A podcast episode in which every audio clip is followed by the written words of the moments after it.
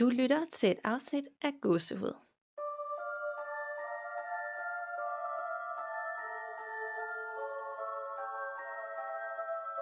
Hej Danika.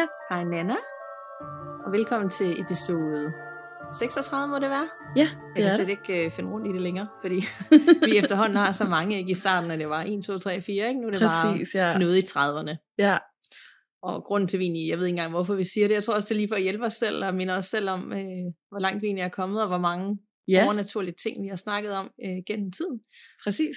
Så måske også som sådan en øh, service, service til lytteren. Ja, der Ja. er flere afsnit derude, hvis det her er det første, I er faldet over. Ja, ja, præcis. Så vi har været i gang i øh, lidt over et år nu. Ja. Og du har været med siden maj, juni. ja så, og jeg er faktisk nu med i halvdelen af alle de episoder, der er udkommet. Ja, så det er nærmest alle sammen. Ja. I hvert fald siden vi virkelig øh, har taget det 100% seriøst, og virkelig, øh, det gjorde vi også før, men det er på en anden Ja. måde nu, fordi vi begge to elsker det overnaturlige, og kan ikke få nok af at snakke om det, så det føles bare som sådan en, en hyggestund, hvor man får lov til at snakke om de ting, man synes er spændende. Lige præcis. Så, og vi har jo også mange planer for godset her i øh, det nye år. Det talte vi også lidt om i det sidste afsnit. Ja, Nogle ting, vi godt kunne tænke os at prøve af. Øhm, spørgsmålet er om at finde tiden til at udleve de her spøgelsesdrømme. ja det er jo lige det. Ja, øhm, men i dag skal det jo ikke rigtig handle om drømme og ønsker. Det skal handle om noget lidt andet. Vi kan måske komme ind på nu eller senere. ja. lad os da bare tage den nu. Ja. Øhm, det skal handle om noget, som jeg person, noget, der personligt skræmmer mig allermest. Øh, noget, jeg synes, der er virkelig forfærdeligt i gyserfilm, øh, der altid giver mig en kæmpe chok-effekt. Og øh, noget, der sådan hænger fast efter, jeg har set gyserfilm, hvor at jeg er super bange for at gå ud og Mhm. kigge mig selv i spejlet. Ja. Fordi jeg er bange for at se noget i spejlet, som ikke skal være der. præcis. Og derfor handler det om spejle i dag. Det gør det. Og Ja. det kom af, jeg tror det var sidste afsnit, eller, eller for- forrige afsnit igen. Ja. Jeg kan ikke huske, hvordan om vi havde en uh, lytterberetning. Eller, vi kommer i hvert fald til at snakke om de her spejle og hjemsøgte spejle, og hvad det var, Ja, præcis. der var så forbandet uhyggeligt ved dem. Ja, Og så sagde vi faktisk også højt, det må vi lige have med et afsnit, og så blev det bare, det skal vi nu. Ja. ja. vi kunne slet ikke lade være. Den Nej. var oplagt. det er den virkelig. Og generelt, når man sådan snakker med folk derude, så er det altid spejle eller et eller andet med Ja. ja. spejle, som skræmmer folk. Og som du siger, efter man har set en uhyggelig film, så tør man ikke se sig selv i spejlet. Og Nej, nemlig. Når man går i øh, langs en lang gang, og man har nogle minder fra barndom, så hang der altid et eller andet spejl på en eller anden væg, og gerne et rigtig gammelt spejl, som Ja. man altid frygtede, man skulle forbi og se et eller andet. Ja, præcis. Nogle skygger, der bevæger sig, eller en anden person, eller et eller andet, ikke? Præcis. Ja. Men inden vi dykker ned i dagens emne, så øh, vil jeg lige høre, om der er sket noget uhyggeligt, siden vi sidst mødtes i december. Ja. Øhm, nej, det er der faktisk ikke Nej. rigtigt for mig. Jeg er skuffet. Gudskelov kan man sige, nu har det jo også været en rigtig dejlig tid, med, hvor man har været sammen med familie og venner og lavet hyggelige ting og sådan. Øhm, det eneste, der er sket, det var bare lige, at øh, min veninde fra London, som jeg fortalte om i et tidligere afsnit, der havde mm. været øh, til julefrokost ude på et, øh, et slot uden for London. Hun var hjemme og fortalte lidt mere i dybden om det, øh, og stadig var skræmt over den oplevelse. Og øh, ja, så har jeg haft nogle vilde drømme igen, der bare nærmest kun har handlet om død og ødelæggelse. Og, Ja, det er måske også lige med tiden lige nu i medierne, ikke? Altså, det virker som, Jo. om der bare meget er meget død og ødelæggelse. ja, det er det nok. Ja, ja. Så, nå. ja. så det er både godt, men selvfølgelig også skidt med drømmene. Og... ja. Havde din veninde yderligere øh, information om det, der var sket, eller var hun bare stadig ikke sådan helt øh, forvirret? Hun var stadig totalt forvirret og sådan helt chokeret over, hvad det var, der var sket. Ja, Mm. Men øh, sådan overbevist om, at det var noget. det var det helt sikkert, ja. Ja. Ej, Hvad det er nok. Jamen, jeg har heller ikke øh, set nogen spøgelser. Nej. Desværre. Nej, det er jeg glad nok for. Ja. Men øh, det mest uhyggelige, der er sket, siden vi sidst optog, det er, at jeg er blevet hacket. Det var da ret Ja, uhyggeligt. Det er ret Så det er en anden form for øh, uhygge. Ja, Øh, og kort fortalt til dem, der nok ikke ved det, der lytter med, så, øh, så blev jeg hacket tilbage i december via min øh, Facebook business profil, hvor man har nogle korte oplysninger tilknyttet, når man har en virksomhed. ja, Og så øh, fik de på en eller anden måde, smart, genial måde, en ny måde at snyde folk på at bruge mine oplysninger til at lave nogle spam-annoncer til at snyde andre folk, og deraf få deres kortoplysninger. Så Ej, det var sådan en meget fanden, gennemtænkt ja. strategi, de havde. Øh, og jeg kan også høre bagefter, at der er nogle andre, der er blevet ramt i december. Okay. øh, der også har virksomheder på en eller anden måde er tilknyttet Facebook. Ja. Så det, øh, det brugte jeg rigtig mange af de der juledage på at finde hoved og hale i, og også bare chokket over at opdage, at øh, man, ens kortoplysninger er blevet misbrugt, og ens mm. navn og identitet er blevet misbrugt, og, øh, ja, og de penge, der var rådet på få timer, ikke? der var næsten yeah. 10.000 kroner og sådan noget, der forsvandt. Så øh, der lærte jeg i hvert fald en masse, altså jeg var rigtig frustreret og ked af det, men jeg lærte også bare en masse om øh, sikkerhed, altså online sikkerhed, og hvor, hvor udsat vi egentlig alle sammen er Præcis. både virksomheder og privatpersoner. Så det, der har jeg lært meget, og har virkelig opgraderet på sikkerheden på alle ting, og prøver at, ja, at gøre alle de der ting, som de anbefaler, man skal gøre, som man ja. synes er lidt irriterende, men der er faktisk en grund til, at man skal gøre det. Præcis, ja. Ja.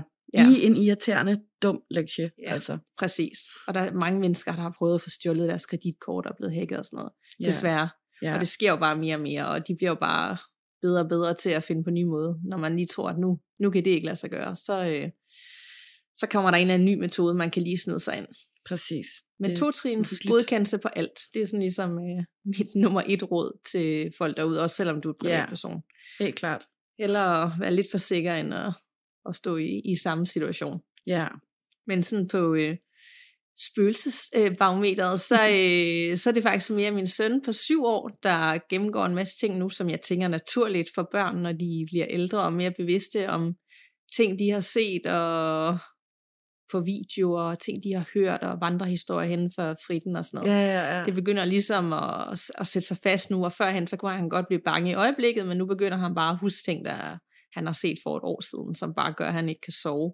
Åh, pus. Øhm, ja, så øh, da vi var, vi var nede i Belgien i en juleferien, og så var der et øh, museum sådan, med en japansk øh, udstilling, som var rigtig fed.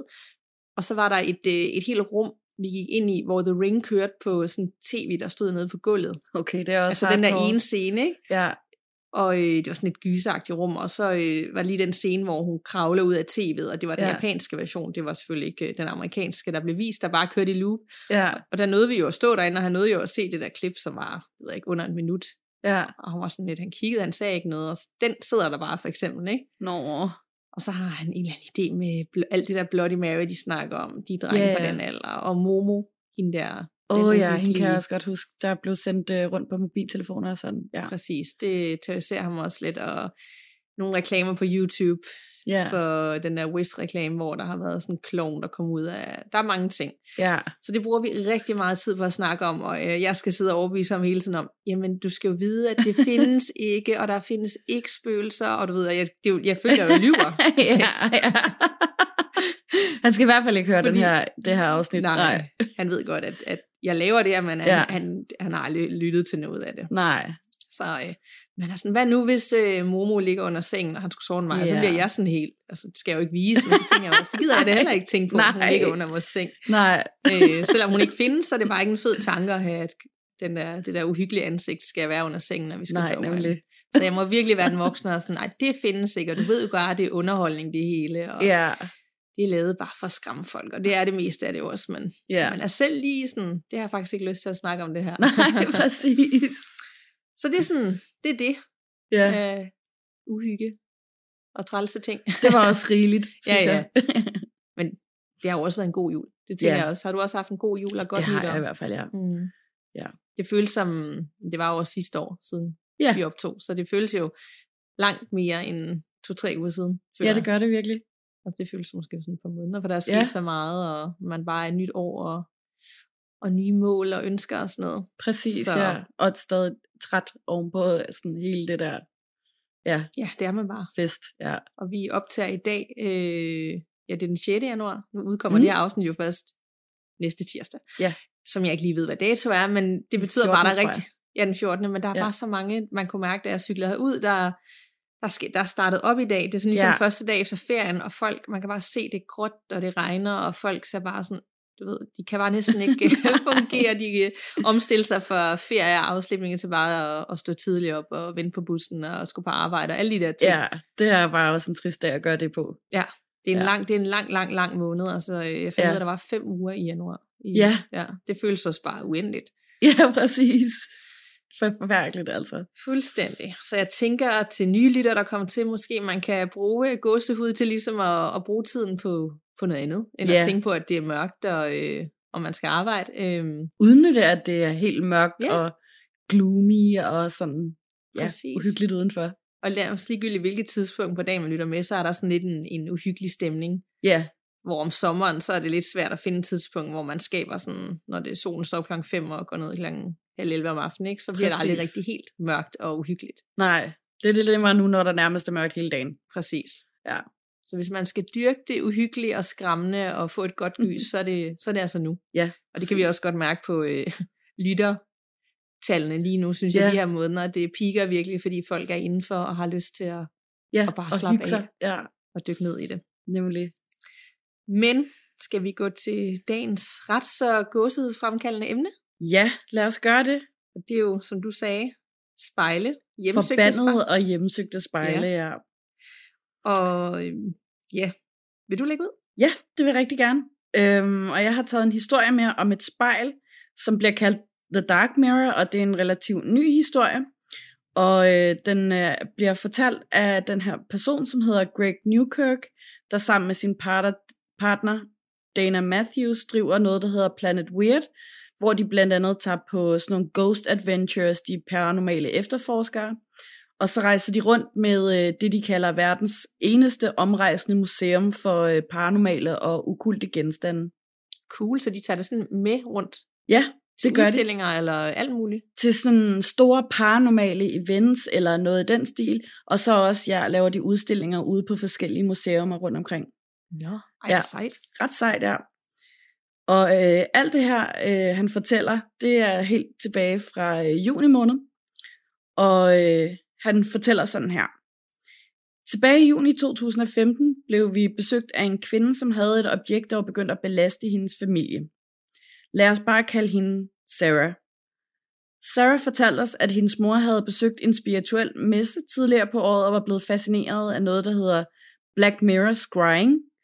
Øh, jeg kunne ikke finde et rigtig godt dansk ord for det, men det betyder simpelthen, eller det er sådan nogle her specielle spejle, øhm, som man kan kigge ind i, og så kan man opnå en form for trancelignende tilstand, hvor man kan tale med døde, øh, man kan se hen på den anden side, eller man kan spå om fremtiden. Ligesom med for eksempel øh, krystalkugler, er det mm. nok Mhm. dem, sådan, den mest stereotype billede af spåkoner bruger, ikke? Så er der simpelthen spejl, der, der er lavet til det her formål, Ja. eller som, jeg anser det et gammelt spejl, ikke? Men Ja. Det som tror jeg har- faktisk ikke engang, det er. Jeg har set billeder på øh, den her hjemmeside, hvor jeg også har fundet historien. Og der ligner det egentlig bare et relativt nyt spejl, der er sort, øh, og så med en rimelig ny ramme. Det ligner ikke sådan et gammelt antikspejl eller Okay. noget. Så jeg tror, de, sådan, de bliver lavet til formålet Mm. Ja. Ja. Ja, og øh, Sarahs mor, hun synes bare, det var helt fantastisk, det ville hun gerne prøve, så hun købte et med hjem. Sarah fortalte os, at hendes mor blev mere og mere fjern i ugerne efter messen, hvor hun øvede sig i at bruge det nye spejl. Når det endelig lykkedes hende at få sin mor i telefonen, lød hun fraværende, og samtalerne blev mere og mere dystre og handlede om undergang generelt. Til sidst betroede Sarahs mor hende, at uanset hvor meget hun øvede sig, så virkede spejlet ikke. Hun troede faktisk, at der var noget galt med spejlet, at det slet ikke virkede. Efterhånden som Sarahs mor blev mere og mere tilbagetrukket og besat af at raffinere sin egen spådom, besluttede Sarah sig endelig at gribe ind, så hun tog hjem til sin mor og krævede at se spejlet selv. Hendes mor, som var meget forvirret, åbnede et skab og trak en lille ramme ud, som var viklet ind i et sort klæde. Da Sarah spurgte sin mor, hvorfor hun havde afdækket spejlet og låst det inde, så brød hun grædende sammen og svarede, at det bare var ondt. Sarah puttede spejlet i en kasse, stadigvæk led ind i det sorte klæde, og tog det med sig hjem. Kort efter tog hun kontakt til os og indrømmede, at hun selv troede, at musikken omkring spejlet mest handlede om, at hendes mor var en ældre kvinde, der tog sine hobbyer alt for alvorligt. Men hun kunne stadig ikke ryste den gåsehud, spejlet gav hende af sig. Så hun donerede spejlet til vores omrejsende museum, og vi fandt en plads til det i vores stue, hvor det stod stille og roligt uden problemer, som de fleste af vores andre genstande for museet. Men om morgenen den 20. juni samme år, der gennemgik vi vores underlige samling af paranormale genstande og begyndte at pakke de ting, vi ville vise på museets sidste stop på den turné. Det var Perryville Battlefield i samarbejde med Nick Gruff for Ghost Adventures. Jeg greb spejlet og placerede det i vores øh, rejsekasse ivrig efter at dele det nye objekt og dets historie. Dette var spejlets første offentlige fremvisning. Det er ikke usædvanligt, at rejsemuseet tiltrækker et publikum allerede før det er sat op og klar til at åbne. Og inden for bare få minutter efter vi havde fjernet vores kasser, var gæsterne allerede begyndt at undersøge, hvad der skulle skjule sig under det sorte slør her. Efter jeg havde fortalt dem om historien om spejlet, fortalte jeg, at de var velkommen til at holde det og eksperimentere det, prøve det, men at de i så fald er for egen risiko for dem. En kvinde viftede med armene og ytrede højt nej tak. Og så var der nogle andre, der stod og overvejede fordele og ulemperne ved at prøve det. Men der var en kvinde, der gik direkte hen og greb fat om spejlet og rev klædet af. Hun kiggede kun ind i det skinnende sorte glas i cirka 30 sekunder, før hendes udtryk ændrede sig fra overmod til redsel. Hun smed hurtigt spejlet med forsiden nedad på bordet, og hendes øjne var store og fyldt med chok. Hvad så du så, spurgte jeg. Jeg så mit eget forrådnede lig stige tilbage på mig, skælvede hun. Det er et forbandet spejl, det skulle jeg ikke have gjort. Jeg er nødt til at gå hen og bede en bøn nu. Undskyld mig. Damen vandrede lams, langsomt væk, og resten af tiden viskede gæsterne med hinanden om The Dark Mirror. Nogen blev endda modige nok til at komme og prøve det selv. For de fleste var det uhyggeligste, de så deres egen refleksion, men forresten kom de negative reaktioner så ofte og så voldsomt, at jeg begyndte at spekulere på, om det ville være nødvendigt for os at udbygge vores ansvarsfraskrivelse. Beretningerne om mystiske syn, forvrængede ansigter og en generel følelse af frygt strømmede ind for dem, der prøvede spejlet. Senere på aftenen besluttede en kvinde at sætte hånden på det sorte glas, og derefter tilbragte hun de næste to timer med at polere spejlet desperat i et forsøg på at få aftrykket til at forsvinde. Også hun havde hævdet at se sit eget liv lige i refleksionen sammen med andre syn, som hun nægtede at sige højt og det var først, da hun troede med at knuse spejlet, at hendes aftryk begyndte at falme på glasset. Spejlet var ikke helt det samme, da vi bragte hjem efter det. Eller måske var det mig, der ikke var den samme. Efter vi havde pakket vores samling ud og sat alting på plads, begyndte jeg at bemærke mig selv stige ud i rummet. Og da jeg blev snappet tilbage til bevidsthed, så gik det op for mig, at jeg havde stirret på det tildækkede spejl hele tiden. Jeg var begyndt at føle en stærk trang til at kigge ind i det sorte glas. Måske var jeg bare ubevidst creeped out af det foruroligende beretninger for dem, der havde kigget ind i det, men jeg kunne ikke ryste følelsen af mig, at spejlet havde, ville have mig til at bruge det. Uanset om det var mine egne tanker, der spillede mig et pus, så modstod jeg trængen til at kigge ind i det. Den følgende måned var museet på besøg i Pennsylvanias berygtede Penhurst Asylum, og der blev øh, spejlet igen centrum for gys og gro. Da der stadig var en times tid til dørene blev åbnet for offentligheden, kom medlemmerne fra Penhurst Paranormal Association for at se udstillingen, og de spurgte med det samme til spejlet. Som sædvanligt gav jeg dem historien, og tilbød dem derefter muligheden for at prøve det selv. En kvinde, der omtalte sig selv som skeptiker i en gruppe, besluttede sig for at prøve det. Få øjeblik senere fortalte hun os, at hun havde set sin mund viske noget til sig selv i spejlet, selvom vi alle sammen stod rundt om hende og kunne bevidne, at hendes mund aldrig havde bevæget sig i virkeligheden. Resten af aftenen strømmede beretningerne ind for folk, som havde, tænkt, der mindst, havde set ting, der var mindst dobbelt så uhyggelige som før. Blandt andet var der en stor prægtig mand, der havde set alt det på styr, som øh, spejlet havde forsaget, men øh, han trak bare på skuldrene og lå af tilskuernes advarsler, mens han gik op og tog spejlet og holdt det op for sig. Han stirrede dybt i det, for hurtigt at springe tilbage og næsten tabe spejlet ud af hånden, mens han råbte en masse bandeord. Manden hævdede, at han havde set en anden person gå lige bag ved ham, forbi i spejlet, og at den her person lignede ham selv fuldstændig på en prik. I modsætning til, da vi var på øh, Perryville Battlefield, blev oplevelserne dengang ikke kun begrænset til det visuelle. Næsten et halvt dusin besøgende berettede om følelsen af elektricitet, der strømmede ud fra spejlet, mens de holdt det. De gned endda deres ømme arme, når de gik derfra. Nogle klagede over hovedpine efter at have stirret ind i det. Og en kvinde beskrev levende følelsen af, hvordan at smagen af blod ligesom fyldte hendes mund.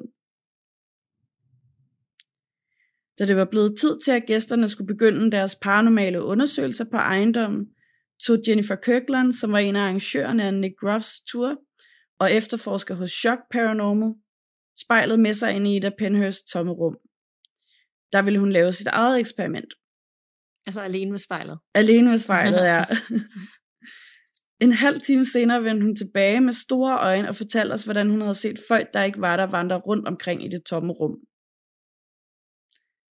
Da vi kom hjem fra begivenheden, satte jeg Dark Mirror tilbage på sin sædvanlige hylde og faldt udmattet om efter 8 timers kørsel. Da jeg vågnede, bemærkede jeg, at begge vores katte sad i stolen i den yderste ende af stuen og lavede den der sjove hovedbobbe ting, de gør, når de ser et æren ud af vinduet. Men så gik det op for mig, at de ikke bare sidder i den samme stol på én gang, hvilket de ellers aldrig gør, men at de slet ikke kiggede ud af vinduet. De kiggede på spejlet. Og det var ikke længere tildækket. Det sorte klæde lå på gulvet. Åh oh, nej. Ja. Selvfølgelig kunne kattene have reddet klædet af og var blevet forskrækket over det. Eller måske havde jeg været så træt, da jeg stillede det tilbage, at øh, jeg ikke havde fået klædet ordentligt på, inden jeg faldt om på sofaen. Eller også var det faldet på grund af træk. Men da jeg tog rammen op for at få klædet på igen, så sprang kattene op og styrtede i hver sin retning ud af rummet. Og fra dag af, så kom de aldrig frivilligt i nærheden af det, og de skyndte sig at gemme, gemme sig lige så snart vi viste det til dem for sjov. De næste mange dage fortsatte det sådan. Hver morgen, når vi kom ind i stuen, så fandt vi spejlet bad i sollys. Klædet fjernede simpelthen sig selv hver nat. Jeg fandt vores bevægelsesaktiverede øh, trailkamera frem, altså sådan et, man bruger, når man er på mm. jagt og sådan noget for eksempel, øh, som vi havde anskaffet til vores Bigfoot-jagt-eventyr. Og så monterede jeg det på et stativ, og den næste uge stod det parret mod Dark Mirror hver aften før sengetid. Spejlet blev afdækket 3 ud af 7 nætter, men kameraets hukommelseskort var tomt hver gang. Ingen katte, ingen vind, intet. Altså, der var ikke nogen optagelser overhovedet? Nej. Nej. Og hvad der var endnu mere mystisk var på dag 7, da jeg gik ind for at tjekke SD-kortet, kun for at finde ud af, at det var blevet helt ødelagt. Jeg kunne se, at der var næsten 100 megabyte, der var blevet optaget på det, men det ville simpelthen ikke bare åbne filen. Øhm, endda efter hvert et forsøg på at formatere kortet, det gik fuldstændig galt. Det var fuldstændig umuligt at se, hvad der var på det. For et par uger siden lavede vi så en udstilling på museet på Ohio State Reformatory, hvor jeg tidligere har haft en virkelig skræmmende oplevelse, som jeg stadig ikke kan forklare. Den må vi også lige finde. Ja. Eller, den finder jeg, ja. Og igen blev Dark Mirror opdrejningspunktet. Ingen lige denne gang, men i stedet fortalte mindst tre gæster uafhængige af hinanden, at de så en sort masse svæve nær deres venstre skulder, mens andre hævede, at de så sig selv blive for 40 år ældre, mens de kiggede ind i spejlet. Højdepunktet var dog, da Brock og Dave, fyrene for øh, Paramania Radio, inviterede mig til et live interview, hvor nogen gav mig spejlet. Efter en smule overtagelse fra Dave, besluttede Brock, der sad ved siden af mig, at han ville prøve spejlet live i radioen. Han tog det op og råbte, holy shit, og fortalte, at han havde set sit eget ansigt, men at det var forvrænget med et snodet smil hen over hele ansigtet. Han dækkede det til igen og nægtede at undersøge det nærmere. Og så øh, i den her artikel, som jeg også øh, kommer til at linke til i Facebook-gruppen, fordi at den er meget længere og meget mere detaljeret, mm. øhm, der skriver han også, at man, der er et link til, hvor man kan høre den der udsendelse. Den er desværre blevet pillet ned, men så har de alligevel lagt den ud til sådan nogle MP3-downloads. Okay. Øh, der står godt nok ikke titlen på programmet, så jeg har ikke rigtig fundet frem til den endnu. Nej. Men øh, jeg skal nok lytte en masse mere igennem, og så se, om jeg kan finde den rigtige, og så det, lige det øjeblik, hvor han finder eller får spejlet og Ja, ja, ja, lige præcis, ja. Det kunne være fedt, hvis de også havde filmet, altså nogle gange i radiostudier, ja. så filmer de jo også altså reaktionen. Ja, præcis. Men og det var der ikke. Nej. Desværre. Nej. Men til gengæld er der flere billeder af spejlet i den her artikel også, mm. man kan se, hvordan det ser ud. Så den, ja. Det er den, ikke så smart. Nej. Nej, jeg lægger den ind i uh, Facebook-gruppen, så kan I overveje, om I tør kigge på den selv. ja. ja. Nå. Men siden da har vi haft fået flere problemer med spejlet hjemme hos os. Det virker nemlig som om, at det har dårlig indflydelse, ikke bare på de folk, som kigger i det, men også på de genstande, det er udstillet med. Pludselig, helt ud af det blå, så er der rigtig mange af vores artefakter, der er begyndt at opføre sig på den måde, som deres tidligere ejere har beskrevet, og ligesom er grunden til, at vi har fået det til vores museum. Det hjemsøgte maleri er begyndt at kaste sig selv ned fra væggen. Den uhyggelige dukke Ruby er forsvundet på mystisk vis, og selvom ingen af os har set det selv endnu, er vi ret sikre på, at, at øh, vi har hørt rækken på det forkullede Ouija-board glide rundt inde i glasmontren sent om aftenen. Ej. Ja, derfor har vi ikke længere spejlet stående i stuen. Nu er det pakket ind i et lag, med en hellig rosenkrans vigtet rundt om sig og lagt ned i en aflåst kirke. Kiste. Ej. Det er nok meget smart. Ja. Hold nu op. ja, Og tænk at bo med så mange objekter, der er hjemsøgt, eller har en historie, og har Ja. nogle energier øh, tilknyttet til sig, og så i, i sit eget hjem. Ja. Altså i sin egen stue. ja, det turde jeg simpelthen ikke. Er det ikke også ham med øh, Zach Baggin fra Ghost Adventures? Har han ikke? Han har jo også et Jo. museum. Ja, Men han har også haft mange ting hjemme i sit eget hjem inden. ja, Og lige at teste af og bare lige have det. Og se, hvad, hvad der er om snakken. Og jeg forstår, altså, så vil man virkelig sit job. Og, Ja, det vil man godt nok. Og, og synes, det, det er fedt, hvis man er villig til ligesom at inddrage sit eget liv og sit eget hjem og sine Ja. kæledyr. Og, man er virkelig kold i røven. Ja. Ja, og så alligevel ikke kold nok, fordi det bliver alligevel pakket væk. Ikke? Man Jo, har trods alt ikke lyst til... nej, Der er dem, der må stå fremme, og så er der dem, der, øh, der virkelig, virkelig skal låses inde, ikke? og Ja. aldrig må røres igen. præcis. Jeg, jeg ville simpelthen ikke ture at kigge i det spejl. Nej. Men er det sådan et spejl, der stadigvæk bliver taget med rundt? Nu ved jeg ikke, de har det. Eller er det sådan et, "Ah, nu, nu, nu er det nok, nu må det ikke komme ud længere. Det har, det, jeg tror, at det stadig kommer med rundt. Mm. Kun til særlige lejligheder. Ja, Så det er ikke lige et, man hiver frem øh, derhjemme. nej, nej, nej, helt sikkert. Det er kun, når de tager ud på de der tours med øh, det omrejsende museum der, ikke? Ja. Ja, det gør de jo et stadig. Okay. Ja, De, de kommer nok ikke lige til Danmark, Nej, desværre. men det kunne være Øh, fedt, hvis de gjorde. Ja. Det er meget fedt, det der, man bare pakker en, øh, en lastbil, eller hvad Ja. man nu gør med ting, og så kører man bare afsted med alle sine øh, haunted øh, objects. Altså det er et eller andet sted ret mærkeligt. Ja, og så det kan lade sig gøre, at det ikke Mm. sådan, så øh, den der bil, den kører galt, eller et eller andet, ikke? Ja. Ja. Og også, at det er et par, lidt ligesom øh, Ed og Ja. Lorraine Warren var. De havde lidt det samme koncept. Ja, De kørte sig ikke rundt med deres ting. De havde det jo i deres hus nede i kælderen, også noget i nogle skaber og glasskab låst af. Ikke? jo, nemlig. Men det der med, at det er et par, der øh, dyrker det overnaturligt sammen, og ligesom øh, Ja, det er deres liv. det er for sindssygt. Ja. Nå, nå. Ja, ja. Men øh, jeg har også et spejl med, Ja, og et hjemsøgt hus, og øh, faktisk det billede, du lagde op i, øh, på Instagram i går, Ja. er et spejl.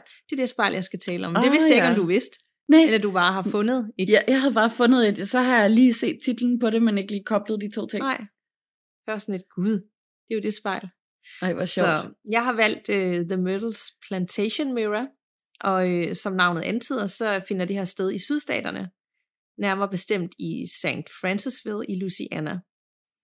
Og sydstaterne, og i særdeleshed Louisiana, de er jo kendt for voodoo og ukulte yeah. historier og tragedier, og derfor så er det også bare ekstra uhyggeligt, synes jeg, når Ja. det foregår lige der. Og faktisk så er Myrtles Plantation kendt som et af de mest hjemsøgte steder i USA, og derfor så har de selvfølgelig også et af de mest hjemsøgte og kendte spejle i det er verden. klart, ja. Huset, øh, der senere blev til Myrtles Plantation, det blev bygget under den amerikanske revolutionskrig i 1796. Så det er et af de rigtig gamle hus Ja. i forhold til USA's historie. Da ejeren døde, så øh, gik huset videre i arv til hans datter og mand, og det var her, de mange tragedier sådan for alvor startede. Som den populære historie går på, så var manden i huset, Clark Woodruff, alt andet end en ærlig mand. Han havde nemlig en øh, særdeles stor øh, sexlyst, og han var derfor sin øh, kone, Sarah, utro. Og hans opmærksomhed ramte hurtigt øh, en af slaverne, som man selvfølgelig havde Uh. dengang, eller mange af stederne Ja. havde i sydstaterne, ved navn Chloe. Og den unge slavekvinde, hun turde ikke afvise ham, da det ville ende ud måske i ekstra lange arbejdsdage i den bane Mm. sol, eller endnu værre former for afstraffelse. Så Mm. derfor så begyndte hun at se ham bag konens ryg. Og dette forhold, det varede over flere år. Men Chloe, hun var ret bange for, at øh, Clark Woodruffs kone ville opdage utroskaben og der straffe hende. Så hun begyndte at lytte med til familiens private samtaler, for ligesom at få en idé om, om der var et eller andet mistanke til hende. Mm. Men så skete der det en dag, at øh, Chloe hun blev fanget af Sarah, Woodruffs kone, i at lytte med. Og øh, hun beordrede straks, at hendes ene øre, som hun havde lyttet med, skulle skæres af som straf. Det var lige den anden tid. Ja. Så øh, fra deraf så øh, var Chloe øh, tvunget til at gå med en turban for ligesom at skjule det her ødelagte, øh, deforme øre. Nå. Chloe, hun ville så have hævn, og det fik hun ved at øh, hælde gift i den mad, som hun serverede for moren og øh, de to døtre. En aften, hvor Clark Woodruff han ikke var hjemme. Ja. Der er sådan spekulationer på, om hun ønskede den døde, eller hun bare vil gerne gøre den syge som hævn. Det, det er jo så lang tid siden, det ved man ikke, og nogen Nej. mener også, det var et uheld. Men i hvert fald inden for to dage, så var både moren og de to døtre døde. Og de andre slaver på ejendommen, de var selvfølgelig bange for, at Clark Woodruff han ville finde ud af, at øh, hvad hende her Chloe hun havde gjort. Ja. Så øh, når han kom tilbage til huset, så derfor så tog de faktisk sagen i egen hånd, og øh, de greb hende og hang hende i et træ. Og da hun så var død, så tog de hende ned og smed hende i floden. Så det var ligesom hendes øh, liv derinde der. Ja. Og ifølge legenderne, så blev Chloes ånd hængende, men det var først mange årtier senere, at det blev kendt, at huset og i særdeleshed spejlet, det var hjemsøgt. Men de mange mor og tragedier i huset, det stoppede ikke her. Fordi i 1834, så solgte Woodruff-familien huset videre til en anden familie, hvoraf det også fik navnet øh, Myrtles Plantation. Mm. Her skete der også et mord, da manden i huset blev skudt i brystet, da han en dag gik ud af hoveddøren. Og så er der også en håndfuld mennesker, som der har boet der, der er døde af den gule feber. Rigtig Mm. mange, som øh, var aktuelle på det tidspunkt. Og der har været flere mor, især øh, i forbindelse med borgerkrigen Ja. i 1800-tallet. Og det siges også, at huset er bygget ovenpå en Indian burial ground. Det er det jo tit dernede i Det- ja. ikke? Jo, nemlig. Der har været et eller andet, og så har man lige valgt at bygge et hus senere, og så kommer Ja. der også pludselig en masse andre energier med. Ja. Øhm, det er derfor naturligvis mange sjæle, som er fanget der, både for dem, der har ejet huset, og selvfølgelig de mange, mange, mange slaver, der har arbejdet der. Og det siges, de især er fanget i spejlet, som hænger i den store hall, øh, når man kommer ind. Og vi skal, som du sagde, nok lægge billeder op af begge spejle, øh, som vi omtaler, men vi vil også sige, at man skal passe på, altså, for efter sine så oplever folk også ubehag bare ved at kigge på den på et billede. Øh, især The Dark Mirror, som du har talt om. Ja. Fordi der er en helt anden energi og historie tilknyttet det. Øhm, og selve de paranormale oplevelser, de startede først i 1970'erne, i hvert fald kendt for offentligheden, da huset blev købt af Meyers familien. De åbnede nemlig op for et øh, bed and breakfast i huset, og her begyndte de mange gæster så at berette om mærkelige oplevelser. Der var nogle hyggelige lyde herinde. Der er mange hyggelige lyde, og jeg er helt kold på et punkt på ryggen, på ryggen lige nu. Og det er meget mærkeligt. Ej, du må ikke sige sådan noget. Jeg sidder videre og kigger ind i dit spejl. Prøv, prøv lige at mærke mig på ryggen lige nu her. Ej, det jeg godt mærke. Det er super fedt det her. Jeg har faktisk lyst til ikke at snakke mere om det her. Og det værste er, at jeg har jo siddet og, og kigget ind i det her freaking spejl, fordi alle de her billeder de artikler, ikke? Og du, ja, det ja. ligger på Instagram, og vi har The Dark Mirror, og det er 100% på øh, eget ansvar, at man øh, kigger ind. Og jeg, det der spejl, er det, du har købt øh, brugt, der hænger på din væg? Nej, nej. Det Okay. er sådan, at jeg har købt i en butik Okay. engang. Ja, det er så Jeg- fremstillet. Jeg har bare lige været til sådan et vintage marked i går, hvor der var, var antikke øh, brugte gamle spejl over det hele, og de er skide flotte, men jeg får bare sådan den der, ja, det sidste jeg nogensinde skal købe er sådan et øh, antikt øh, gammelt spejl, hvor jeg ikke ved, det har været henne, og hvilke ting det har set, og energi Ja. og historie, ikke? fordi jeg kunne lige se, at så hang man det, og så, øh, så startede et eller andet. Altså, det kunne jeg snilt have fundet på. Jeg har ikke tænkt på det før. Sådan, det, Det, her det, det er der mange, der gør, fordi Ja. det, det var vildt flot, Ja, men jeg kunne bare, det er måske også fordi jeg research så jeg ved, du skal ikke købe et øh, antikspejl. Gud, altså faktisk, det der hænger ude på badeværelset, det var et, der fulgte med lejligheden, som jeg bare lå hænge. Ja. Og dem, jeg har ude i gangen, Kæft, du har egentlig mange spejle, når jeg kigger rundt. Ja, gud. Du har spejle alle veje. Ja, det det, det der er også brugt. Ej. jeg har faktisk ret mange spejle, jeg kan brugt. Oh, ja. Ja. Øhm, ja. Nå. Ja, altså jeg har det helt... Øh, nå, vi, Ja. vi skal videre. Nu, nu prøver Ja. vi lige at zone ind igen, og lade at kigge på alle de her spejle, fordi Ja. jeg mister fuldstændig... Øh, jeg, jeg sejker bare mig selv helt op. Ja. Nå. Nå, men altså, de her gæster på øh, det her bed and breakfast, de berettede om mange oplevelser. Og øh, det blev hurtigt kendt, at spejlet var ligesom øh, omdrejningspunktet for det, der var sket. Ja. Øhm,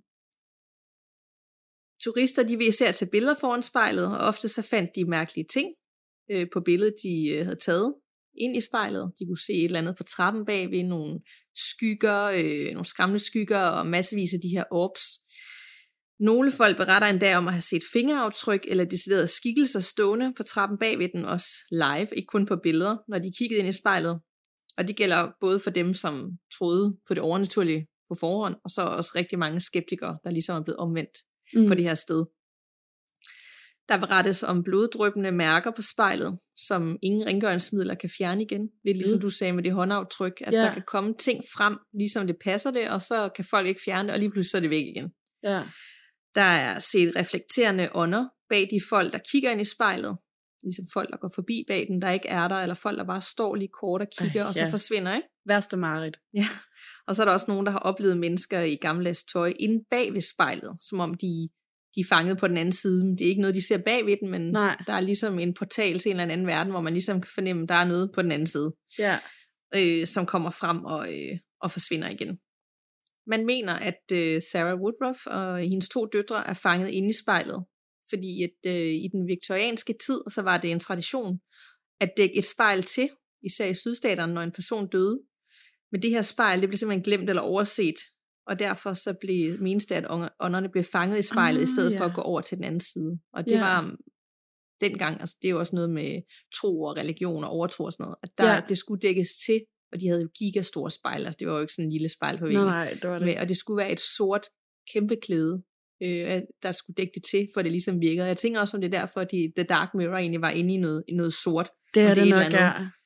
at det er den måde, man skal behandle det på. Ja, det er det nok. Øhm, det er ikke noget, jeg har hørt til før, men øh, det er åbenbart en meget stor ting der, og i hvert fald i den tid. Ja. Derfor så blev de selvfølgelig fanget, og de kunne ikke passere over til den anden side, og det er så dem, som gæsterne ser og mærker til, plus de mange, mange andre ånder, som har været på et eller andet tidspunkt gået bort i huset, eller på ejendommen, eller helt tilbage fra den her indianske kirkegård. Der rapporteres også om skrig inden for spejlet, som folk hører, øhm, som om nogen, der prøver at råbe på hjælp, Ej, ad. og det synes jeg faktisk var noget af det mest uhyggelige. Det var ikke alle de her ting, man kunne se, men tanken om, man kunne høre skrig inden for Ja, noget, ja, som er vidner om en helt anden verden. For tænk, hvis de bare har været øh, fanget derinde i flere hundrede år. Altså, Ja. Det er ret klamt. Ja, det er. Og når det så samtidig hænger et sted, hvor så mange folk kommer forbi hver dag, så, øh, så må, tænker jeg i hvert fald, at det også må opfange en masse øh, energi. Ja. For de her folk og frygt, der er folk, der er bange for det, ikke? Det, det tager det sikkert ind. Øhm, og spejle er jo også en brugt genstand i overnaturlig leje, Ja, eller til at hidkalde noget ondt, lidt ligesom moren i den historie, du fortalte, ikke? hvor man Jo. jo. bruger det som sådan et redskab til at komme i kontakt med den anden side. præcis. Så jeg tænker, at man, det bedste, man kan gøre, det er måske bare at forholde sig neutral til spejl, og ikke yeah. begynde at spekulere for meget i, hvad der kan ligge bag, og hvor det stammer fra. Du kan bare sige, altså, man kan hurtigt sække sig selv op, ikke? Jo, det kan man virkelig. og så bliver man øh, lidt skør. Nå, men i dag der er Myrtles Plantation og spejlet stadigvæk kendt som hjemsøgt, og der kommer mange, mange hundredvis af folk forbi for udelukkende at sove på øh, hotellet og se spejlet, som de selvfølgelig skal tage et billede af. Det er sådan ligesom kendt blandt de ansatte og tidligere ansatte og folk, der har besøgt det, at det her spejl, der er bare et eller andet. Ja. Og i min søgen efter artikler om Myrtles Plantation, der fandt jeg også en nyhedsstation, der sidste år lavede et indslag om det her sted. Og mm. de gengiver historien rigtig godt og viser Fedt. et hav af billeder i den her er et kort klip på en syv minutter, Ja. hvor ånder er fanget på billeder derfra.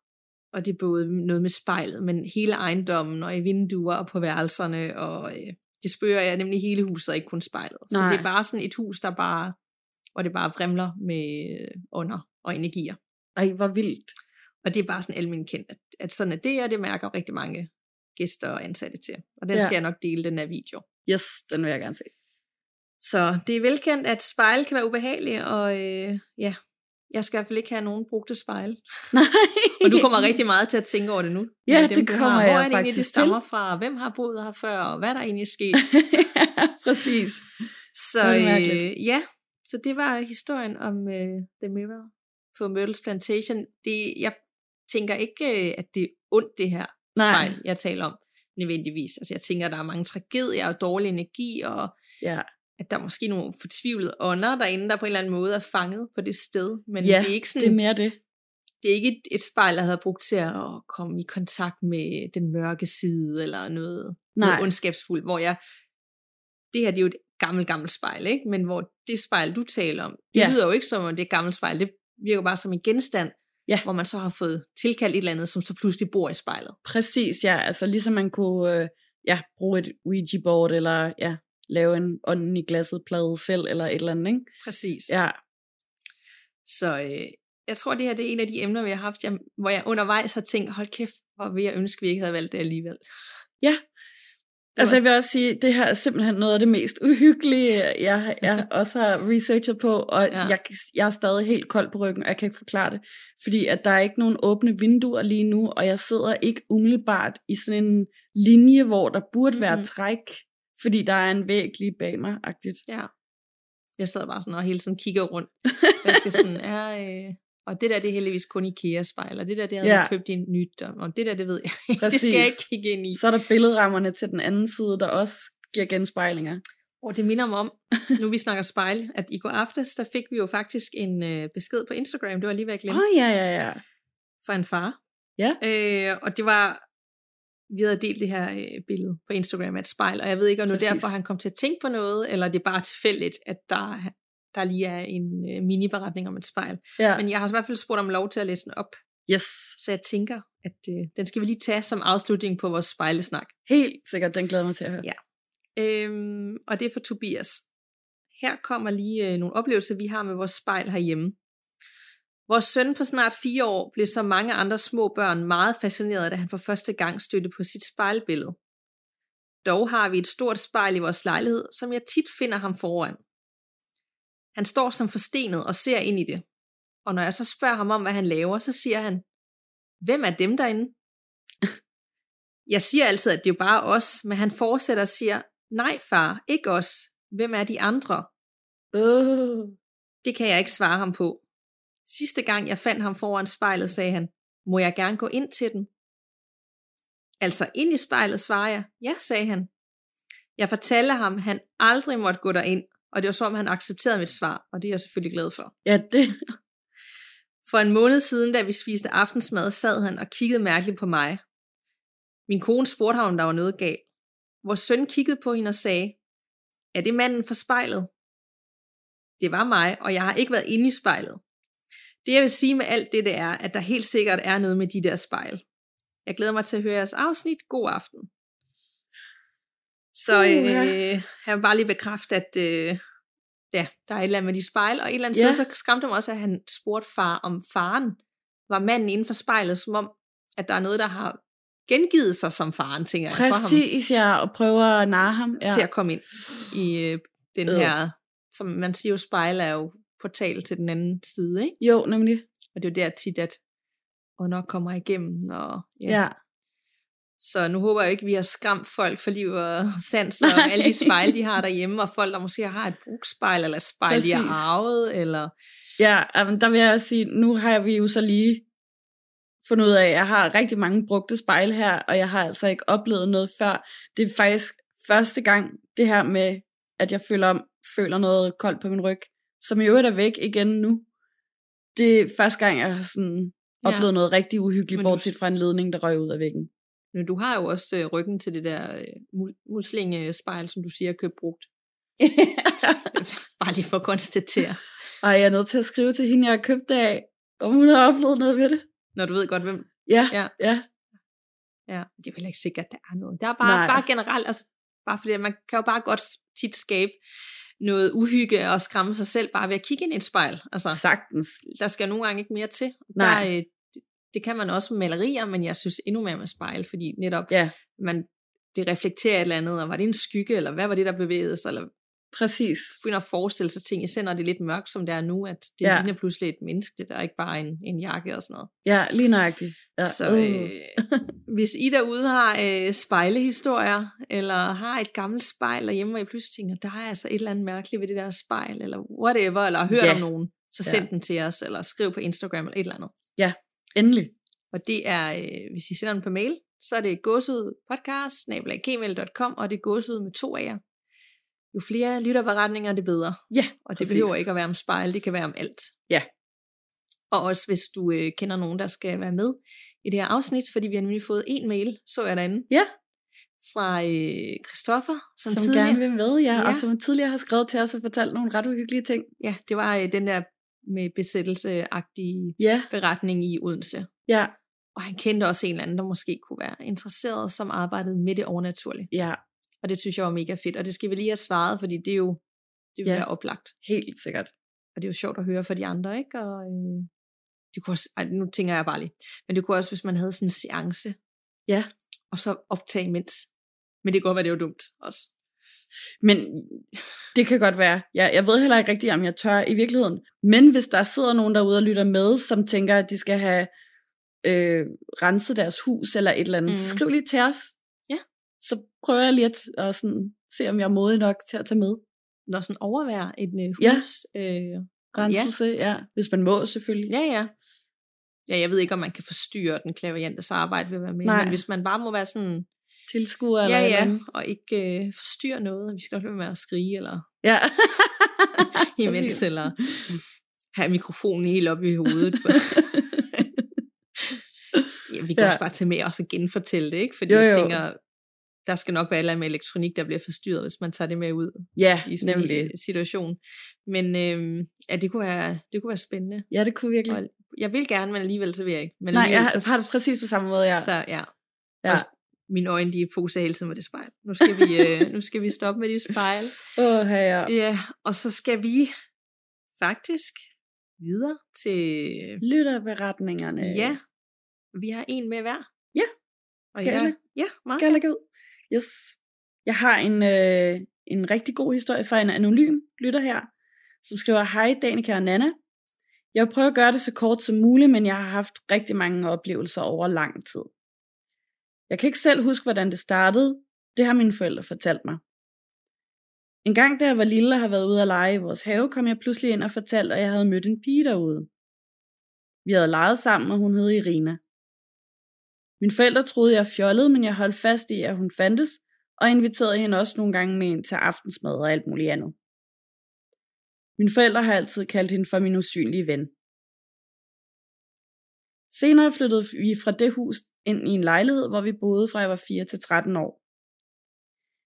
I den periode havde jeg ikke nogen oplevelser, men jeg følte altid, at jeg blev agtaget, når jeg skulle på toilettet om aftenen.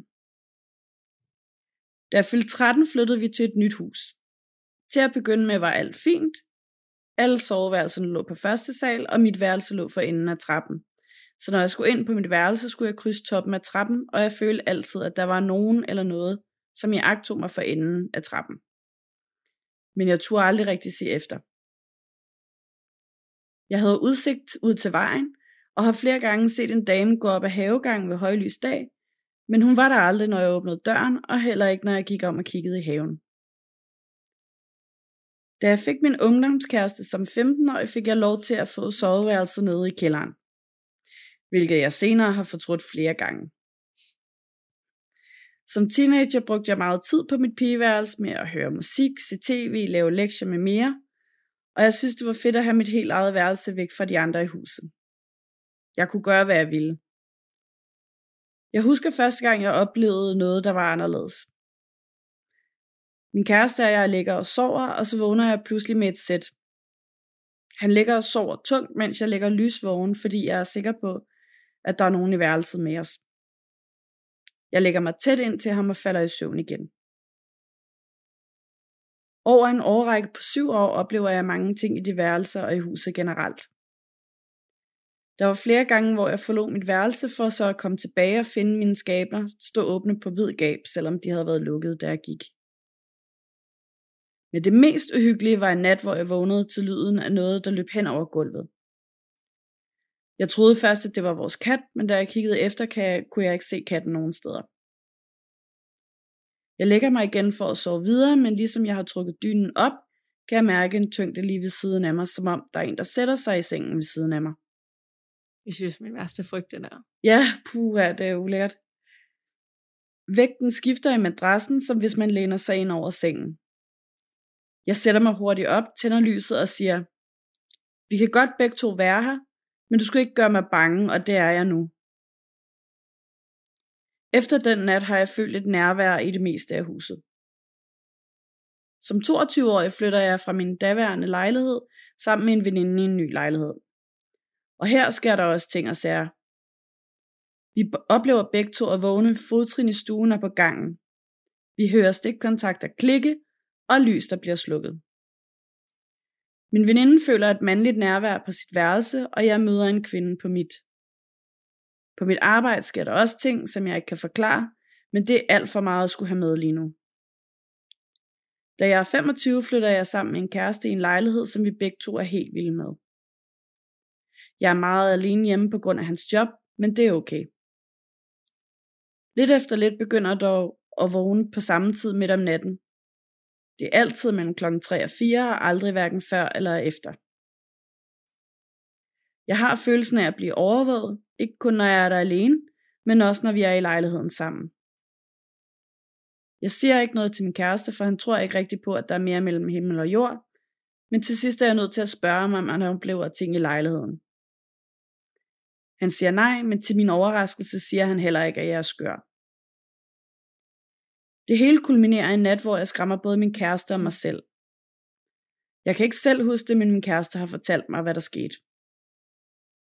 Han fortæller, at han vågner ved, at jeg ligger urolig. Jeg ligger og mumler, og han får fornemmelsen af, at jeg skiller ud, selvom han ikke kan forstå, hvad jeg siger. Først lukker han bare øjnene igen og tænker, at jeg drømmer. Men inden han falder i søvn igen, kan han fornemme, at jeg rejser mig op. Han åbner øjnene, og der sidder jeg ret op og ned i sengen og stiger stift ud i rummet. Han prøver at tale til mig, men jeg har fokus på et eller andet. Han prøver at se, hvad der er, jeg kigger på, men han kan ikke se noget. Jeg rykker tættere på sengekanten og siger meget bestemt og stadig med blikket låst på noget. Du skal ikke være her. Jeg bliver siddende et stykke tid og lægger mig så tilbage i sengen. Han sov ikke mere den nat. Nej. Nej. Jeg har for nylig fundet ud af, at min mor begyndte at se skygger i og omkring køkkenet, efter jeg var flyttet ud af deres hus.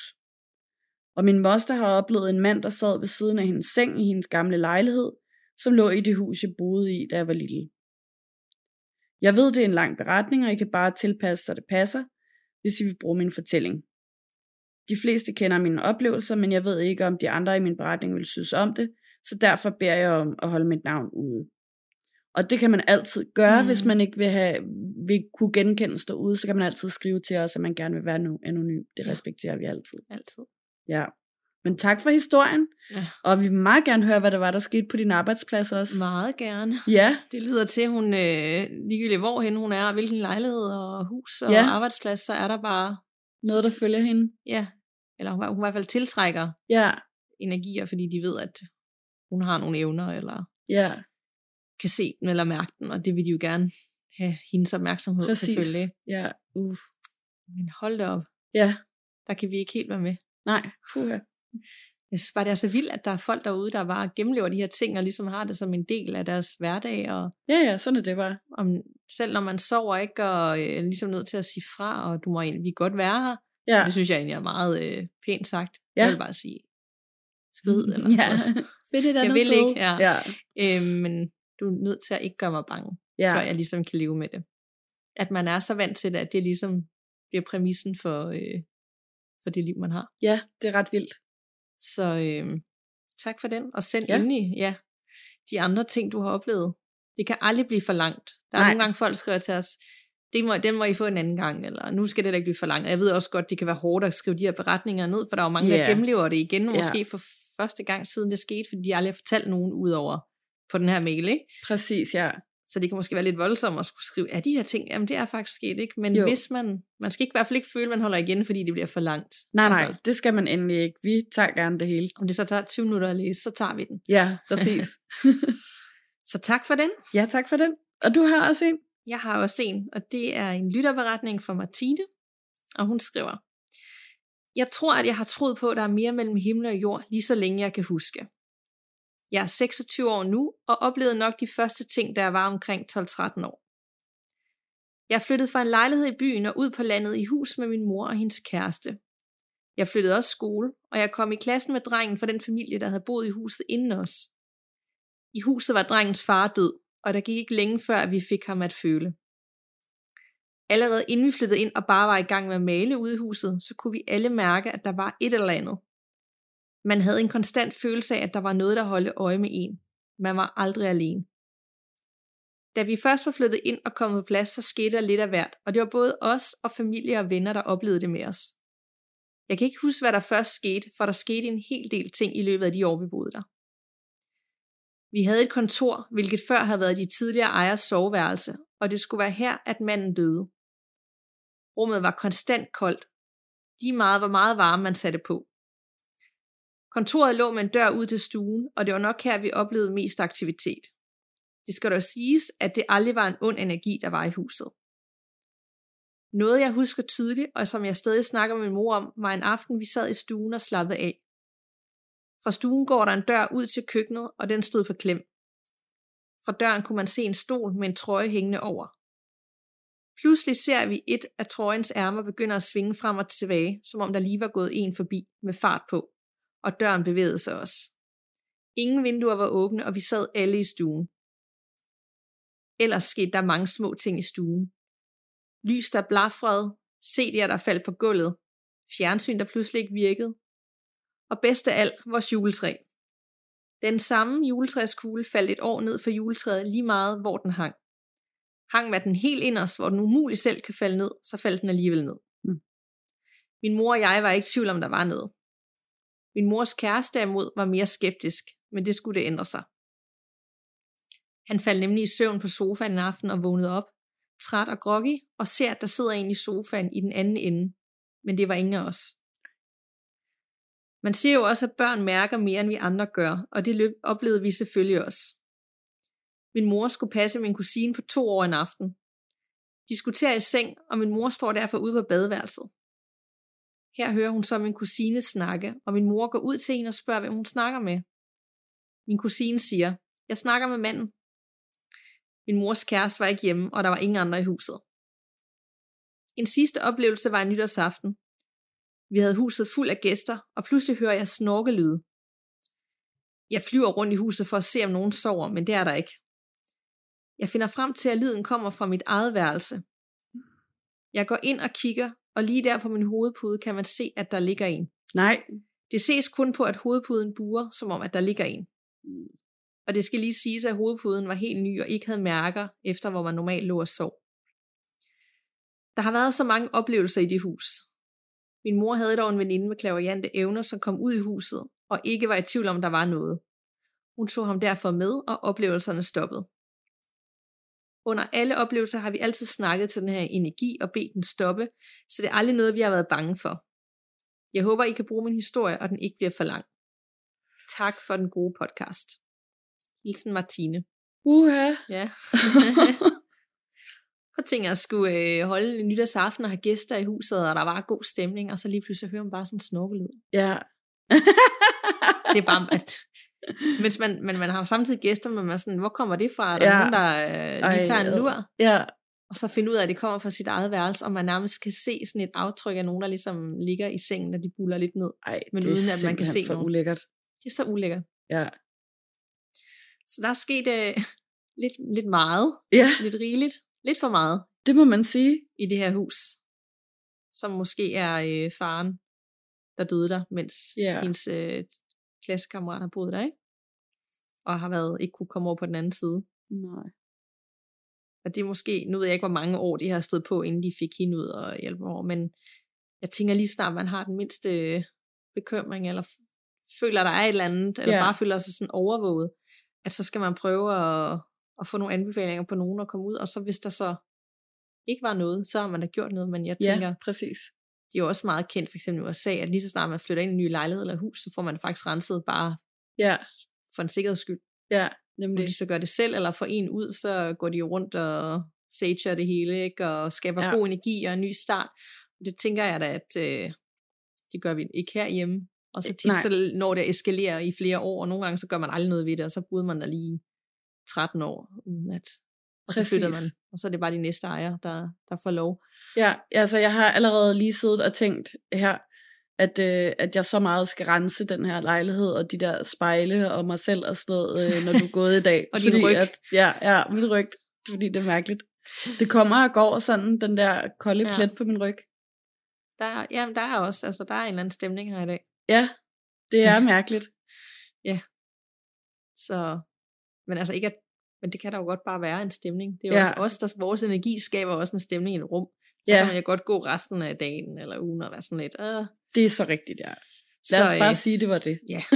men øh, ellers, det kan jo ikke skade noget. Nej. Om ikke andet, så dufter der måske bare rigtig godt Lige præcis, ja. af et eller andet. ja. Det skulle også være godt for bakterier i luften og sådan noget, Ja, og lige at ja. få brændt lidt af en gang imellem. Men når man ser det, altså i serier og billeder, så er det tit, altså salvie, der er det jo tit sådan en, en bund, der er sådan bundet sammen Ja. med noget øh, stof over. Ja, Det ligner nærmest sådan en kæmpe cigaret. ja. Det kan man da ikke få herhjemme. Det har Jo, jo, det kan man sagtens, På den ja. måde? Ja, øhm, der er rigtig mange, der sælger det på Instagram og sådan noget. Øhm, jeg kan godt smide nogle anbefalinger ind. Øh, der er blandt andet en, der hedder Noelle Elise, som øh, også sælger en masse krystaller og sådan noget, som er rigtig god og også sælger noget, der er bæredygtigt og etisk fremstillet Okay. og sådan. Ikke? Og øh, så er der øh, masser af små butikker ude i provinserne tit, øh, også apoteker og sådan noget, der har sten og, og krystaller og sådan noget. Øhm, og så ligger der en større forretning på øh, Fjolstræde i København, der hedder Tessis, som også har alle mulige forskellige slags bunter med røgelse. Er det rigtigt? Ja. Men er Sylvie, er det også kendt herhjemme som noget, man bruger, eller er det mere sådan, fordi jeg synes ikke rigtig, man ser folk snakke så meget om det her. Og i USA, så er det altid det første, de siger, vi skal sage uh, Ja, place. Ja, altså det er sådan lidt med forskel, fordi hvid salvie gror ikke Mm. naturligt i øh, Norden. Øhm, det gør almindelig salvie, så det findes også. Men hvid salvie er åbenbart ved at blive troet, så der er noget etik i det, At man ikke bare lige Ja, brænder man ikke bare lige, ja, at man ikke bare lige skal importere en helt røvfuld, fordi mm. det er Mm. blevet moderne og sage nu og sådan noget. Ikke? Øh, og det er det samme med noget, der hedder Palo Santo træ, som også kommer fra, øh, øh, fra det sydlige USA, som mm. Mm. indianerne har brugt og sådan noget i sin tid. Så, men man kan bruge alt muligt. Man kan også bruge rosmarin og græn og alt mm. sådan noget, Mm. der vokser her naturligt. Og, og det er meget mytisk, eller sådan, det er meget Ja. folkesavnspræget, at, at forskellige slags røgelse skulle have forskellige slags effekt. Mm. Det er der ikke nogen beviser for. Jeg ved, om klaverjante i Danmark bruger det. Det gør de jo også tit Ja. i andre lande, men der, eller de bare kommer ud, og så ligesom håndterer det ved at snakke til det og zone ind og, og gøre nu det, de gør. Eller der Ja. ja. faktisk er nogen, der bruger nogle redskaber Ja. til, altså, det ved jeg ikke noget om. Men det, Jeg Ja. ved det heller ikke. Nej. Eller om det sådan har været en tradition, eller om det først er, fordi det er blevet moderne nu, og folk... og så alle skal stå med Ja, det der, ja. men man egentlig forstår 100% hvad det er. Præcis. Og der er også nogen, eller det der med salt, og lægge sådan noget salt Ja, langs dørkammen og sådan noget, men det er jo mere for at holde ting ude, ikke? jo, beskyttelses... Vi skulle ja. næsten have sådan et, et overtros afsnit, ja, hvor vi går i dybden med alle de der ting, ja, og hvad der er bundet, og hvor kommer det fra, at man skal lægge noget bestemt salt langs dørkammen, og nemlig. alle de ting, der er. Og om det er bundet op på nogle historier, og folk bruger det stadigvæk og sådan noget. Fordi jeg, jeg ved ikke ret meget om det. Det er der helt sikkert nogen, der gør. Altså, jeg kan også godt se i de der, fordi det er jo blevet sådan, i det hele taget med spiritualitet og astrologi og sten og det ene og det andet, der er blevet moderne igen, ikke? Og jeg følger rigtig mange øh, af sådan nogle moderne hekse på øh, mm. Instagram. Så det kan være, at vi skulle have fat i nogle af dem, der ligesom kan forklare os lidt om, ja. Ja. hvordan man gør. God idé. Så længe det ikke bliver sådan en øh, reklame for deres øh, salgspiks. Ja, ja, Så man skal virkelig have nogen, hvor det sådan er, du ved, der er, det- der er ja. inkarneret med det her. Ja. præcis. Ja. Det synes jeg, vi skal. Helt klart. Skal vi hoppe til ugens øh, gåsehudstip? Yes. Vil du lægge ud? Ja. Ja. Og øh, inden vi begyndte at optage, der snakkede vi lidt om, at vi var bange for, at vi havde det samme. Ja. Jeg, jeg tænkte, det måtte vi jo have, fordi Ja, det kan være svært at finde på noget hver uge, og det var lige op i tiden. præcis. Øhm, og det, jeg vil anbefale, det er der også nogen, der har anbefalet inde i vores Facebook-gruppe, og det øh, er den overnaturlige øh, serie. Er der nogen, som har kørt på øh, TV2 eller TV2 Zulu? Det, der har kørt i flere sæsoner, ikke, som vi også har snakket om tidligere. Jeg mener, at det er TV2. Ja. Ja, et lokalprogram, der... øh, Præcis, som er ja, blevet mega det står populært der. og øh, har fået mange fans, og vi har også henvist til nogle afsnit tidligere, vi har brugt Ja. ja. som research øh, med en, øh, jeg tror det var efterskolen, og Ja. i øh, Nordjylland. Præcis. Og de har så lavet et podcast, Yay. der hedder Er der nogen? Også. Ja. Og hvad jeg kunne forstå, så er der en... Øh, altså, de har ikke lanceret det rigtigt nu, men der er ligesom et preview på, hvad folk kan forvente, og så lancerer det rigtigt, når serien starter op igen. Ja. Og øh, jeg vil bare lige give nyheden videre. De fleste har nok opdaget det selv. Jeg har ikke lyttet til det endnu, men Nej. Nej. jeg kan ligesom fornemme, at det er rigtig godt produceret, og jeg tænker, ligesom i deres øh, serie, at det er fokus på Danmark udelukkende. ja. Og det bringer mig videre til noget andet, som jeg vil anbefale, uden at have læst det. Men jeg skal have købt det okulte Danmark, fordi nu har Ja. jeg og læst så meget om den bog, og det, det er helt vildt, så mange steder i Danmark, den tager op. Ja. Og blandt andet bare sådan, at, øh, det kan jeg ikke huske, som jeg snakkede om før, men øh, værkstederne under den gamle rutsjebane i Tivoli er jo ja. mega hjemsøgt, og de er jo kendt af folk, der arbejder i parken. Øh, og det har det været længe. Ej, det er rigtigt. Det skal vi også have researchet mere- på, ja. Præcis. Og øh, at det der udtryk, at øh, fanden er løs i Laksegade, Ja, lige så var jeg lige at læse om, hvor det kom fra. Og ja. Det er jo også fra en overnaturlig hændelse, ja. Hvor en masse folk oplevede nogle ting. Og det var i alle bladene og dengang, fordi der ligesom var så mange, der havde overvejet de her ting. Ja, Med sådan nogle, der blev sagt en masse ting og råbt nogle skældsord, men hvor de ligesom, ligesom øh, tænkte, det var djævlen, og derfor så sagde man, fanden er løs i Laksegade. ja. Og sådan er der bare, altså hundredvis af steder i Danmark, den her bog gennemgår, men også alt muligt andet, og den er jo gigastor, og, Præcis, ja. Ej, gør det. så den skal jeg have købt. jeg øh, fik også på anbefaling af Jannis veninde, som har arbejdet med øh, øh, folkemindesamlingen, øh, købt sådan en bog. Øh, nu kan jeg ikke huske, hvad den hedder, men jeg kan også lige skrive det. Der var også en, der Ja. ja. anbefalede os den inde i Facebook-gruppen på et tidspunkt. Jeg lægger den lige ind igen, øh, som øh, primært er, er gyserhistorier fra, øh, eller det er sådan forskellige bind, hvor at det er forskellige øh, folkefortællinger, der er blevet givet videre. Mm. Og så er der nogle bind, der handler blandt andet om hekserier, og en, der handler om, øh, om gyserhistorier, der er blevet fortalt.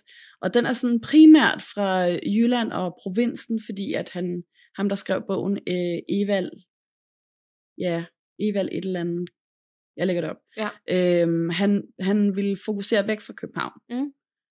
Så den er, Det er også genialt. vildt spændende, Ja. ja. Den går jeg også og læser lidt i en gang imellem. Men du har den her? Ja, jeg har Ja, den. skal jeg da lige se bagefter. Ja, ja, ja. Nå, yes. nej, det vil jeg lige se. Ja. Fordi så tænker jeg også, at med der, det fornemmer jeg i hvert fald ud fra den her meget tykke bog, ja. øh, at der er så meget at alligevel at hive fat i i Danmark, for vi bruger jo meget ja. internettet til at, at finde frem, og der, der er mange af de her fortællinger, de er bare ikke fortalt os i artikler og, og lagt ind der. Så vi skal simpelthen dykke mere ned i, øh, i bøger, og også gamle bøger, og Ja, få fat i folk, øh, Nemlig. som arbejder med det på en eller anden måde, og har adgang til nogle arkiver ja. så vi kan hive noget op, så vi kan endnu mere i dybden med Danmark, som tydeligvis byder på lige så mange ting som andre steder i verden. Præcis. Så ja, og hvad Ja. har du med? Jamen, øh, jeg har set en film. Jeg har set utrolig mange film her de sidste par uger, eller jeg har i hvert fald støvsuget Netflix.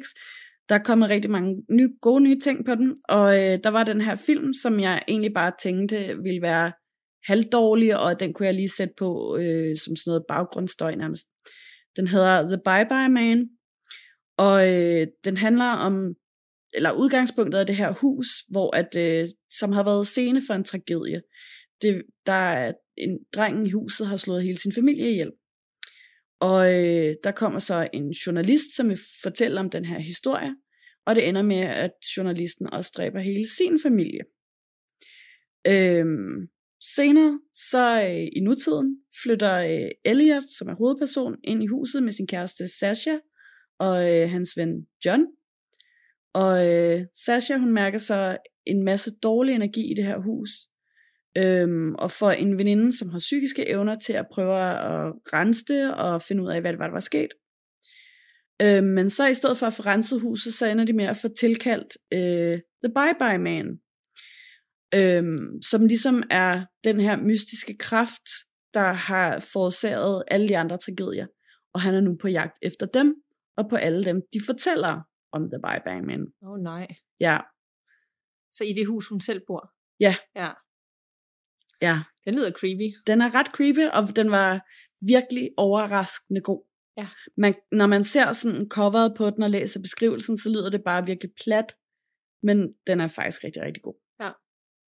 Den skal jeg se. Ja, Er den en ny film, eller? helt Nå. ny. Okay. Det, altså, det er helt vildt, de kan bare blive med at spytte de der øh, gyser ud. Ja. Altså, man kan blive overrasket gang på gang. Nemlig. Du tænker, nu kan der ikke laves mere. Nej, men det For nu kan har vi været hele vejen rundt, men Ja. det kan der. Præcis. Det var et godt tip at slutte af på. Ja. Og øh, tak for snakken. Det var en uhyggelig måde. omgang, vil jeg sige den. Det skal jeg lige love for. Skal lige, øh, vi skal lige sidde bagefter og lige... Øh, Ja, ryste os. ja. Så øh, men tak for snakken, Anna. ja, i lige måde, tak. Og vi lyttes ved derude. Og pas på, man ved jo aldrig, hvad der venter bag den næste dør.